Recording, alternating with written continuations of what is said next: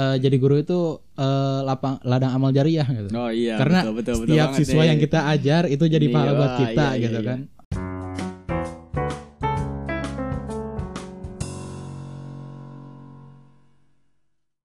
gue opening dulu ya do ya. Masuk. Ya assalamualaikum warahmatullahi wabarakatuh. Balik lagi sama Pur podcast orang-orang Rabun. Kali ini sebenarnya gue rada bingung mau ngomongin apa tapi karena di sebelumnya kita menyentil-nyentil masalah Sunda Empire. Jadi hari ini gue langsung datengin petingginya dari Sunda Empire. Eh, gimana? Sehat? Selama nih ceritanya. Ya. Kenalin dulu dong. Ya, halo sahabat-sahabat Pur. Eh, sebenarnya saya bukan petinggi Sunda Empire, dia aja ngarang gitu ya. Eh, nama gue Muhammad Ridho Albari, dipanggilnya biasanya Rido. Ya ternyata gue langsung bawa dia langsung dari UPI alias Universitas Pendidikan Indonesia. Ya, Universitas Patilasan IKIP biasanya. Iya. Orang-orang boomer bilangnya gitu.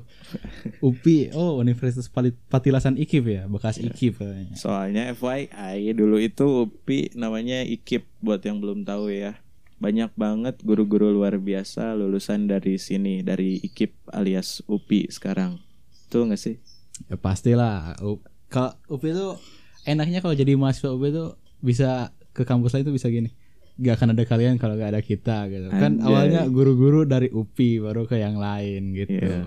Buat makanya buat kalian yang lagi kuliah di UPI, selamat kalian akan punya gelar eh, pahlawan tanpa tanda jasa. Asik. Apa sih pahlawan tanpa tanda jasa? Nah itu. Iya. Nah sebenarnya kita bakalan banyak-banyak berbincang tentang perkuliahan khususnya di UPI ya. Eh sebenarnya gue pengen yang pertanyaan besar gitu buat anak UPI adalah katanya UPI itu jarang libur ya. Ya, eh, gini, masalahnya jarang libur apa ya? Kalau dilihat dari kalender akademik itu emang dari kalender akademiknya aja dikasih jatah libur itu cuman seminggu.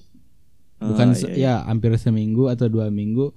Itu pun tergantung program studinya masing-masing. Bahkan eh, rata-rata ada yang sampai nggak pulang kampung gitu. Nah tapi kan sebenarnya ngomong-ngomong nih lu sebenarnya jurusan apa sih? Eh, jurusan sih alhamdulillah masuk jurusan yang diimpikan sejak dulu yaitu bimbingan dan konseling. Jadi Oh. nantinya bakal jadi guru BK gitu kan. Oh iya ngomong-ngomong juga ini lu masuk jur, eh, lewat apa sih? Lewat SNM kah? SBM kah? SBMPTN, UTBK kalau sekarang mah Oh. Mantap lebih ya. cepetnya kan UTBK daripada SBMPTN kan lebih panjang tuh.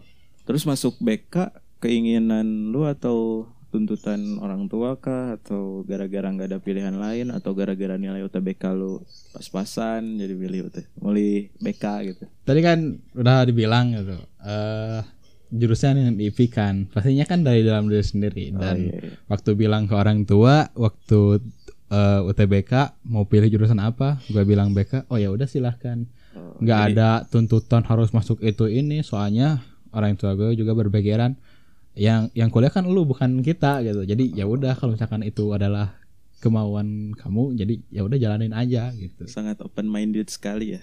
Mantap sekali. nah, gini, lu kan masuk jurusan BK.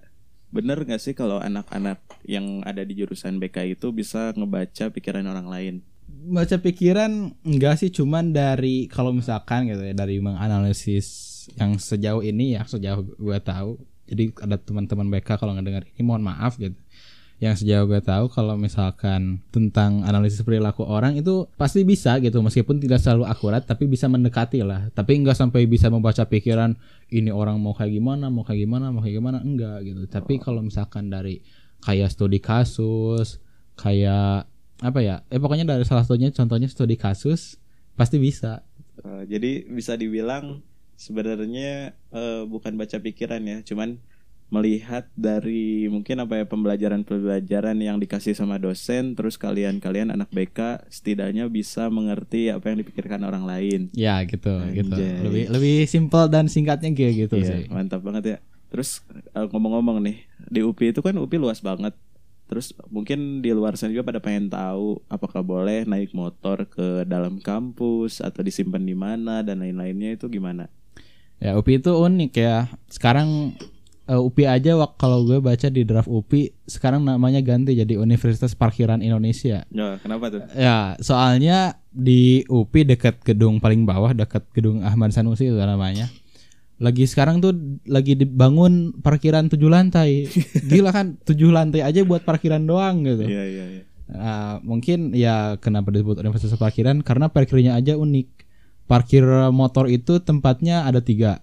Ya. di jalan Gagar Kalong lalu di atasnya ada dua. Di dekat gimnasium sama dekat gedung apa itu? Dekat museum nasional. Mm-mm. dan mobil itu bisa baru bisa masuk ke dalam kampus. Jadi kalau mobil itu bebas. Sementara motor harus itu. Jadi kalau misalkan lu kam gedung fakultasnya di tengah-tengah ya kalau bahasa Sundanya mah wayahna gitu. Wayahna kamu harus parkir di bawah jadi jalan nanjak gitu. Jadi UPI itu banyak yang ngeluh capek gitu. Iya. padahal baru datang dari parkiran ke gedung fakultas aja udah capek. Berarti nggak boleh bawa motor atau kendaraan masuk ke fakultas masing-masing dong. enggak kalau mobil baru boleh. Oh, kalau di kampus gua kan ada angkutan di dalam kampus gitu. Jadi kalau kita parkir di bawah ya kita bisa naik angkutan itu namanya odong-odong buat ke buat sampai ke fakultas masing-masing gitu. Di UP belum ada ya? Ada di UPI juga. Tapi- ada loh, ada. Cuman dia lebih sering operasinya itu pagi pagi sampai sebelum zuhur lah. Setelah gitu. zuhur itu gua gak tahu gue nya yang nggak tahu atau tapi sering nggak ada gitu, sering nggak nggak lihat gitu. Seringnya juga cuman ya? pagi doang mungkin karena pagi itu jam sibuk gitu, jam mulai kerjanya jadi ya udah pagi aja operasinya sementara sesudah zuhur baru ngilang ngilang ngilang ngilang. lagi. Berarti mau berarti mau nggak mau kalau nggak jalan naik ojol ya. Iya. Naik Tapi ojol. banyak sih yang minta gitu ke kayak ke Grab minta skuter dong di UPI minta skuter dong di UPI Hmm. katanya mudah-mudahan sih ada gitu jadi kan kita nanjak enak mudun enak nggak usah jalan kasihan kan jalan. Ngomong-ngomong kenapa lu sama teman-teman lu malah minta ke ya apa sih provider ojol gitu? Kenapa nggak minta ke rektor kalau memperbolehkan kalian bawa motor atau ya bawa kendaraan selain mobil ke fakultas masing-masing kan lebih simpel daripada lu pada minta ke Grabnya lah atau ke Gojeknya. ya mungkin karena apa ya bisa dibilang jalanan UPI itu banyak lika-likunya ya banyak belokan sama sempit gitu makanya kan eh kalau dibandingin gitu ya trotoar sama jalan itu lebih gedean trotoar gitu. karena di UPI lebih mengutamakan pejalan kaki mungkin dari sana ya Ya berarti pengen hidup sehat dong Iya, rektornya iya, kan. hidup sehat sih Nah, gitu. bagus lah sih Iya bagus bagus. Kita kesampingkan dulu masalah parkiran. Yang ini pasti banyak yang pengen tahu juga. Sebenarnya BK itu belajar apa sih? ya BK tuh hampir nggak jauh sama psikologi lah gitu da da ya da gitu kan da bahasa Sundanya nggak bisa lepas nih Klasik Sunda. klasik Sunda eh belajar di BK BK juga ada belajar tentang psikologi orang-orang kayak se- sejauh ini semester 1 gue ada psikologi perkembangan psikologi umum psikologi pendidikan sama nanti tuh di naik semester 3 kalau atau 5 kalau nggak salah. Nanti tuh ada eh apa ya eh pem- pe- pembelajaran ke umur-umur yang khusus bukan umur-umur khusus ya kalangan-kalangan tertentu jadi kamu tuh bisa mempelajari lebih spesifik gitu kalau misalkan kamu pilih pengen eh, nanti prospek kerjanya di lingkungan Itu namanya penjurusan. bukan penjurusan lagi ini on top namanya Oh, Untuk- beda. beda Iya. kalau penjurusan kan beda Lanjut lanjut lanjut. jadi ya pokoknya mah enak lah gitu jadi kalau misalkan kalian pengen psikologi tapi nggak keterima BK aja jangan malu-malu gitu jadi Banyaknya kan s- eh, apa sih di pikiran masyarakat kalau di mindset apalagi yang mau jadi maba nih calon-calon maba kan tadi mikirnya psikologi sama BK itu dua hal yang berbeda. Terus kita kita juga nggak bisa menitik beratkan kalau psikologi lebih bagus dari BK atau BK lebih bagus dari pikir- Iya. psikologi kan. Cuman ini mungkin eh, lu ngasih saran kalau misalkan lu pengen dapet psikologinya gitu dapet psikologinya cuman pengen eh, outputnya mungkin jadi guru atau jadi HRD atau mungkin jadi apa ya jadi konsultan kan bisa masuknya lewat BK kan nah mungkin yang maksud eh, lu itu tadi eh, si BK itu bisa ngedapetin semuanya tanpa lu harus masuk ke jurusan psikologi ya kurang lebih sih kayak gitu nah jadi bisa jadi konselor juga nggak harus masuk psikologi gitu. Ah. kalau jadi kalau misalkan kayak pengen jadi konselor konsultan di instansi-instansi tertentu kayak militer polisi. Dari BK juga sebenarnya bisa nggak usah harus dari psikologi. Jadi buat temen-temen nih yang gue tuh pengen jadi konselor tapi nggak mau BK kan BK taunya jadi guru doang. Enggak kok. Enggak beneran. Soalnya banyak juga yang dari BK yang hasil ha- hasilnya itu jadi konselor, jadi HRD.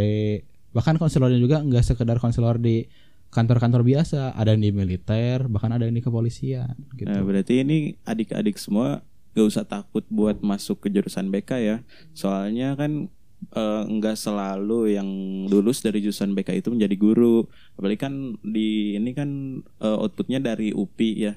Yang notabene yang lulus dari UPI itu UPI itu katanya bakal jadi guru gitu. Padahal kan nggak selalu gitu. Apalagi ini jurusannya BK. Betul kan? Iya, pasti. Nah, terus eh, berikutnya kan kalau nggak salah nih kita ngomongin juga eh, mata kuliah mata kuliah yang menurut lu paling asik di jurusan BK itu apa? Hmm, sejauh ini sih apa ya? Kan gue baru semester satu ya, baru masuk Iya, iya. ya. Masih, Masih sebagai maba. maru ya, maru, masih baru gitu. Eh, sejauh ini psiko- psikologi umum. Psikologi umum sama psikologi perkembangan dua sih. Ngapain aja tuh?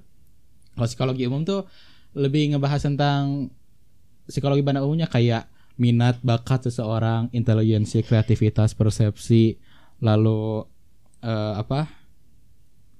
eh, persona diri itu lebih dibahas.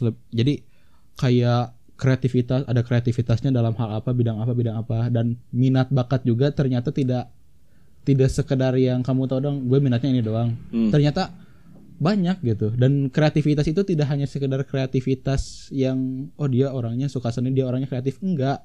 Dia kamu misalkan orangnya suka apa ya suka tentang mesin-mesinan. Hmm. itu disebut kreativitas juga. Dia kreativitasnya dalam eh, kerajinan tangan atau motoristik gitu. Berarti kerajinan eh kerajinan. Kreativitas itu nggak selalu nggak melulu tentang seni dong. iya Berarti ada mungkin tadi yang katanya ada yang suka mesin berarti dia kreatifnya di suatu hal atau mungkin ada yang suka ngoprek-ngoprek komputer berarti dia kreatifnya di itu gitu kan. dan satu lagi inteligensi nih yang paling paling paling harus diingat Hmm. Kenapa? Di Indonesia kan masih sering gak, gak pinter MTK dia bodoh. Iya. Nah itu paling salah besar banget. Kenapa coba? Inteligensi itu setiap orang pasti berbeda-beda. Ya setuju. Kayak kamu misalnya inteligensi eh Fahri sukanya misalkan lu suka apa Ri? Eh, cewek. Nggak nggak gitu juga maksudnya yang pelajaran lah. Oh, gue sukanya apa ya? Hmm, kimia, kimia. Kimia. Berarti kan bisa dibilang itu kayak bahasa Jepang lu kan nggak suka. Iya, Tapi kamu tetap dibilang pinter loh karena kamu pinternya di kimia. Iya. Terus berarti misalkan ada orang lain, dia sukanya seni, dia nggak suka matematika, jangan dibilang dia bodoh, dia itu pintar dalam seni. Iya gitu. berarti kan kebanyakan nih orang-orang di Indonesia mikirnya kalau dia nggak pinter di eksak atau di hitung-hitungan dia bodoh. Padahal masih banyak yang dapat kita gali kayak misalkan seseorang pinter seni tapi nggak pinter matematika padahal dia juga pinter bukan bodoh. Iya. Tapi pinternya di hal seni Iya. atau misalkan ada orang yang pinter di menyanyi gitu. Berarti dia pinternya di menyanyi dan dia nggak bisa matematika bukan berarti dia bodoh. Jadi kita harus menghilangkan ketakutan-ketakutan kita atau mindset kita tentang orang yang nggak bisa eksak itu dia orang yang bodoh. Itu nggak sih? Betul banget gitu. Nah, So- ya. dibilang eh, kayak tadi gue bilang juga inteligensi orang itu pasti berbeda-beda gitu. Anjay. Terus yang kedua matkul ini psikologi perkembangan. Soalnya kan eh psikologi perkembangan itu orang-orang kan berkembang dari Iya. bayi, an- anak-anak, Jelas. remaja, dewasa dan lansia. Ya masa lahir langsung tua. Iya gitu. Dan setiap eh setiap tahapan perkembangannya dari bayi balita itu kan dianalisis ya, dipelajari. Nah, jadi enaknya itu ke gua eh setiap ada kasus kasus misalkan contohnya di keluarga atau tetangga atau siapa pun ketika ada masalah-masalah dalam dirinya, gue itu bisa lihat gitu. Oh, dia mungkin faktornya gara-gara ini Iya. dan solusinya adalah ini salah satunya dan ketika disampaikan kepada mereka dan alhamdulillah bisa manjur gitu jadi enaknya juga dari eh, matkul itu dan dari bimbingan konseling juga itu enaknya bisa membantu orang-orang gitu dan Anjay. tentang eh, konsultasi merekanya gitu Mm. Ini pertanyaan terakhir dari gua sebelum gua ganti pemain sama apa sih namanya itu? Sama pengisi podcast utama di Pur ini ya. Pertanyaan yang paling penting adalah sebenarnya kalau misalkan kita tes psikologi gitu kan biasanya dari BK tuh. ya Itu dilihatnya dari apa? Kok bisa kita muncul IQ si A sekian, IQ si B sekian, cuman gara-gara misal ngisi kita nyambung nyambungin kotak mencari perbedaan gitu gitu doang itu dari mana Hmm, susah nih pertanyaannya. Susah tuh bener-bener susah gitu. Beneran susah. Gue gak tahu jawabnya bagaimana. Tapi eh kalau gue belum belajar sampai sana sih, tapi yang sejauh ini tahu emang ada hitung-hitungannya. Hmm. Soalnya nanti juga di BK ada kayak statistika tuh, matkul statistika. Anjay, Nah. ada ngitung-hitungan juga di Iya, BK ya. ada hitung-hitungan juga, tapi Tuh, cuma satu semester kalian. ya, cuma satu semester. Maba, calon maba, inget-inget di BK ada statistika. Tapi satu semester. Nah, Ya. dari statistika itu emang bisa dilihat bagaimana dia inteligensinya, ya IQ-nya, emotional question-nya. Kalau emotional question mah gampang ya, Mm-mm. karena itu pilihan. Tapi kalau misalnya intelligence kayak gambar-gambar kotak disambung-sambungin, nah itu ada dari statistika salah satunya. Gokil ya. Udah deh. Ini kayaknya udah saatnya gua pamit karena bahkan ganti pemain. Ganti pemain. Ada-ada aja Fahri. Eh gini, Rido ya namanya ya. Iya, Ya gini, kayak gini kenal Do. aja. Eh, tadi ngobrol apa aja sama Fahri? Biar gua nggak salah, biar gua nggak ngulang-ngulang pertanyaan nih. Kuliah di UPI gimana, parkiran, terus Apa, Apa ya? kok ngomongin pikiran sih? soalnya sekarang di UPI lagi ngebangun parkiran tujuh lantai. Oh, iya, oke, Eksotis oke. banget ya. Kayak parkiran tujuh ya. lantai terus tentang program studi dan Hmm. perbedaan antara bimbingan konseling dan psikologi. sih. Oke. Eh dari jurusan mana kamu, Dok? SMA Bimbingan konseling. SMA, SMA. Oh. Oh, iya, SMA. Gue jurusannya paling aneh Oh, kenapa? Kok, kok aneh? bahasa. Oh, bahasa. Emang kenapa? Apa anehnya gitu? Soalnya ketika gue masuk kuliah dosen sama teman-teman tuh nanya, "Dok, kamu jurusan mana?" IPA IPS. Gue diem. Jawab, "Dok, bahasa." "Hah, emang ada." Dan Oh. setiap dosen juga, "Oh, ada bahasa." Kan jadi orang-orangnya tuh aneh, "Ah, emang ada bahasa gitu." Oh iya, eh, jadi nggak semua sekolah SMA itu punya jurusan bahasa ya? Iya, Hmm. paling unik, paling minoritas kita tuh. Terus terus eh, gimana? Apa maksudnya awal cerita masuk BK itu maksudnya kan bahasa itu kalau bimbingan konseling itu banyaknya di bidang apa ya? IPS atau bahasa juga ada? Bi?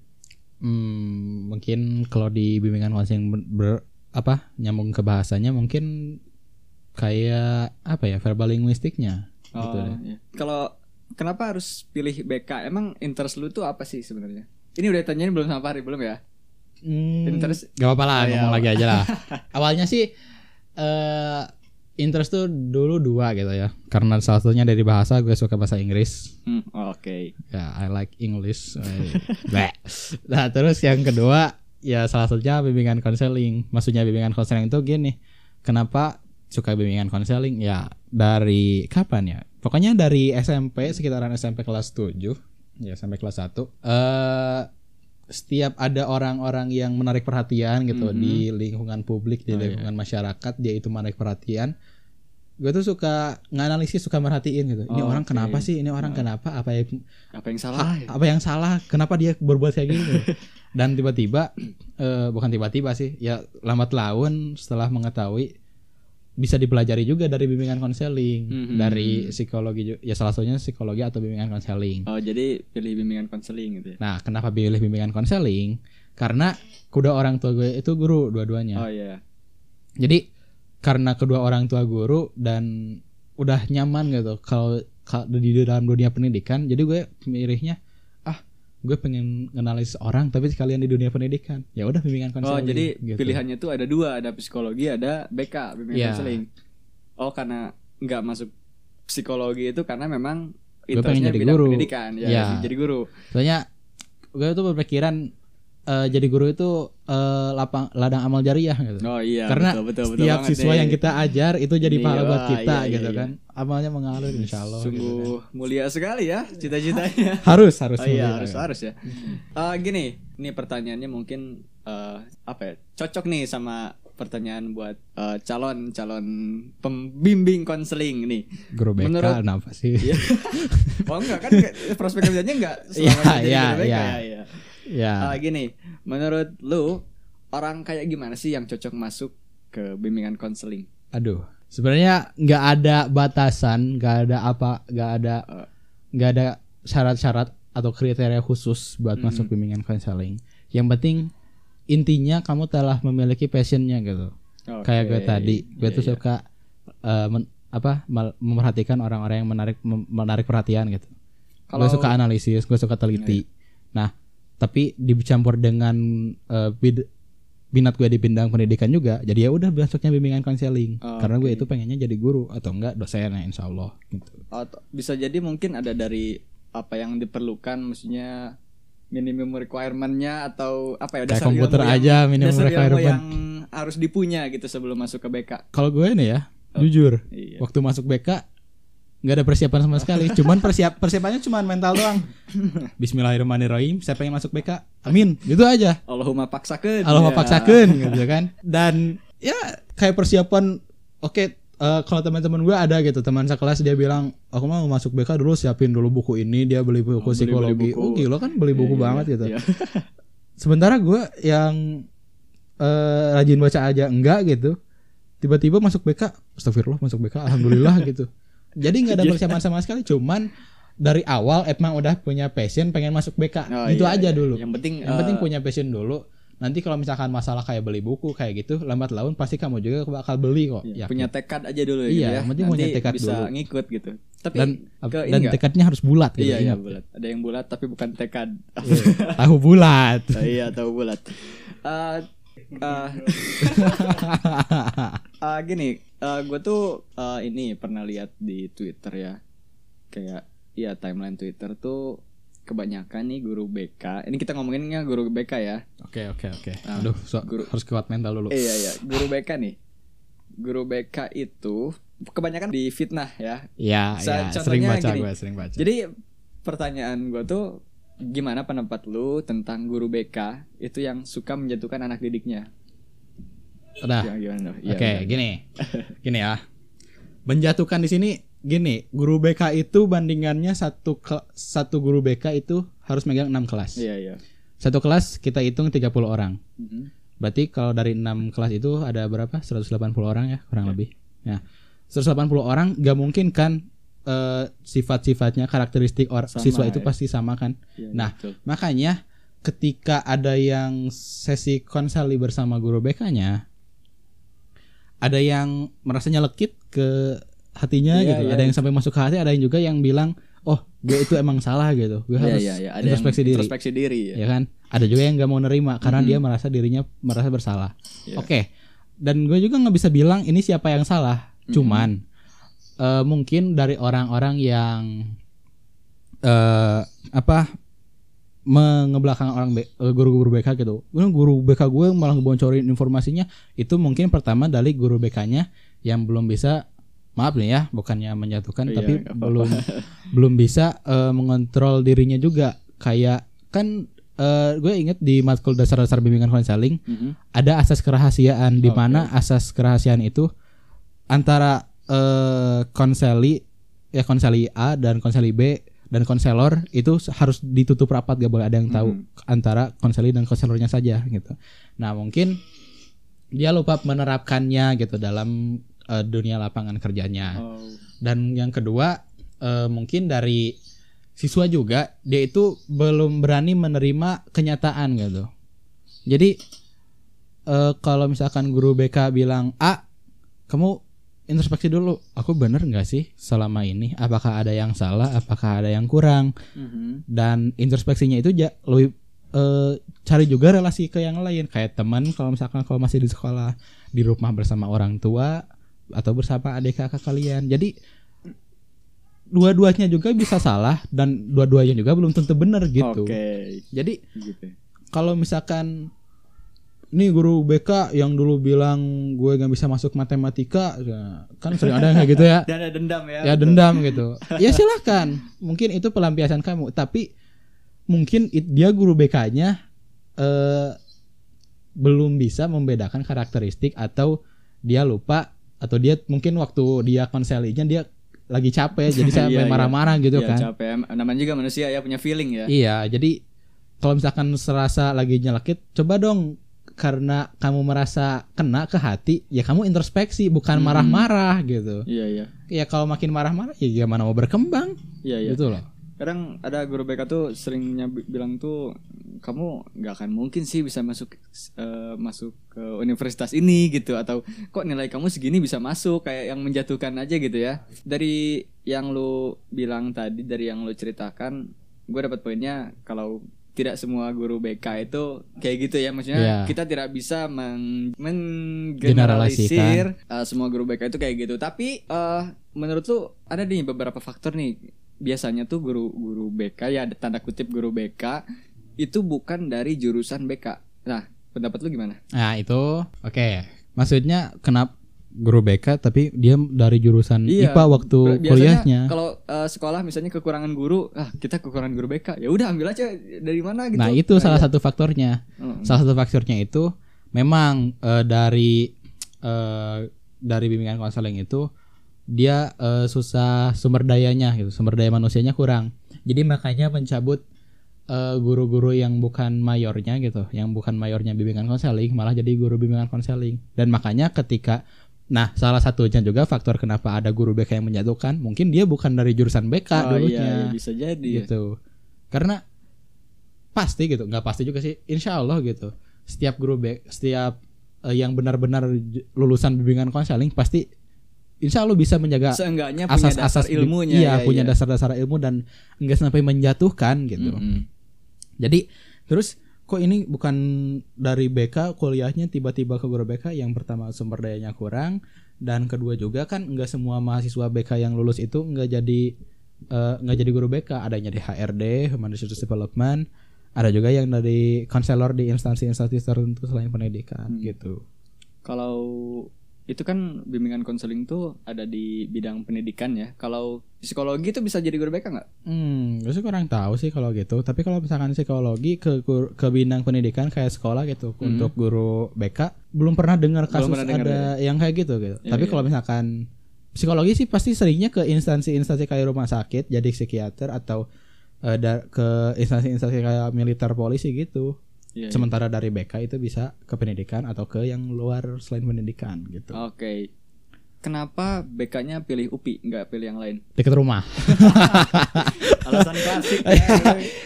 Enggak sih eh soalnya apa ya? Yang pertama dekat rumah, kedua bapak gue dulu dari UPI gitu kan jadi pengen ngelanjutin Iya, oh, perjuangan iya, bapak iya, iya. Up- IKIP UPI gitu. seorang ayah. Ya, itu mah alasan biasa sih. Tapi maksudnya kenapa pilihnya UPI yang pertama akreditasinya alhamdulillah udah A. Oke. Tuh, temen dengerin, Terus dengerin. apa ya? Eh dia itu udah ada dari eh bukan. Jadi bimbingan konseling itu adalah jurusan top 3 di UPI Oh, top 3. dan dia urutan kedua setelah bahasa Inggris. Kedua eh, bimbingan konseling, ketiga gue lupa. Hah? Gue lupa, gue lupa. Pokoknya udah top 3 gitu ya, udah top 3 di bimbingan konseling. Terus Oke. eh dari S1 sampai S3 ada di UPI. Eh bimbingan konseling. Jadi S1 BK, BK ada, S2 ada di UPI dan S3-nya juga ada di UPI. Oke. Terus eh dan selain itu BK UPI juga adalah prodi yang tertua gitu dibandingkan tertua. prodi-prodi yang lain gitu. Kakak ya dari Iya. semua jurusan yang ada. Paling tertua gitu. Prodi tertu- tertua gitu. Mm-mm. Awalnya juga mau ke yang lain salah satunya gitu pernah cari-cari bimbingan konseling di Unsil Universitas Siliwangi ya Tasik Mm-mm. cuman dipikir-pikir lagi jauh di Tasik mah jadi udah Bandung aja lah Bandung yang aja, deket-deket ya, aja Serasa bisa San Mori tiap hari ya. yoi Iya, mantap. Yang mau lu sampaikan sebagai calon guru BK atau calon konseling-konseling lainnya ke adik-adik semua nih yang lagi denger yang mau jadi calon mahasiswa baru apa? pertama kali kalau kalian masih di sekolah gitu coba dengerin dulu menurut guru. Dengerin dulu. Kalau misalkan eh, merasa kena ke hati introspeksi dulu. Kalau misalkan nggak bisa nerima diskusi lagi. Jangan sampai nyentak nyentak atau misalkan di sosial media bilang ke guru BK Jelek-jelekin ya? jelek jelekin Berhujat. eh dia guru kamu Julid. loh dia guru kamu. Meskipun salah dia tetap guru kamu kayak Mm, orang tua kamu di iya, itu di iya, sekolah. tolong dong jangan seperti itu. Kalau misalkan sepertinya guru ada salah koreksi aja. Jangan sampai di Twitter apa ngebacot gitu. Yang kedua yang pengen masuk bimbingan konseling atau psikologi eh, pertama yang psikologi dulu nih ya. Terus misalkan pahitnya nggak keterima tapi eh, di BK keterima ambil aja dulu. Karena nggak jauh beda kok kita belajarnya. Terus ya pokoknya dan terakhir jangan sampai tekad kalian hancur gitu. Jangan sampai j- tidak bulat gitu. Segitiga atau kotak gitu. Pokoknya tekadnya kalau misalkan kalian pengen masuk WK dan sudah menjadi passion kalian coba masuk. Iya. jangan sampai ragu-ragu atau waktu kalian udah keterima tiba-tiba di tengah jalan berhenti. Kan sayang banget. Karena gue juga itu waktu masuk uh, masuk BK lewat UTBK itu skornya paling bawah loh kayaknya. Oh iya paling bawah. iya temen gue Berapa? ada yang Boleh tahu berapa? skornya gue 567 567 sementara teman gue Terbuka 565 banget. 565 dia nggak keterima. Berarti kan Dia ada kemungkinan gue 567 paling bawah. Iya. jadi pokoknya tekadkan dulu. Tekadkan dulu passion kalian eh untuk masuk jurusan kalian. Gak harus BK gak harus psikologi. Dan yang kedua kalau misalkan kalian di lingkungan sekolah guru-guru guru bukan guru-guru ya guru BK kalian ada yang sampai apa sakit Menjatuhkan. bikin ha- sakit hati kalian coba introspeksi dulu kalau misalkan nggak bisa kalian terima diskusi lagi jangan sampai ngebacot di Twitter Hmm, Makasih. Oke. Oke, mungkin segitu dulu obrolan kita sama calon apa ya ini calon apa sih? calon konselor calon Ya, guru BK calon. apalah gitu Enggak, lu cita-cita jadi apa? Guru BK Oh, guru oh guru BK emang guru BK emang Oke. pengennya jadi guru BK Kita kalau kesampaian dosen Ya, kita beres berbincang dengan calon guru BK yang mau jadi dosen. ya oke boleh boleh boleh Eh, mungkin di episode selanjutnya kita akan ngobrolin tentang eh, kenapa kita harus kuliah. Eh, tadi sebenarnya udah di Bahas di sedikit-sedikit, senggol-senggol dikit, tapi nanti eh, yang lebih jelasnya lagi kita akan bahas. Eh, salam Rabun. salam Rabun Iya.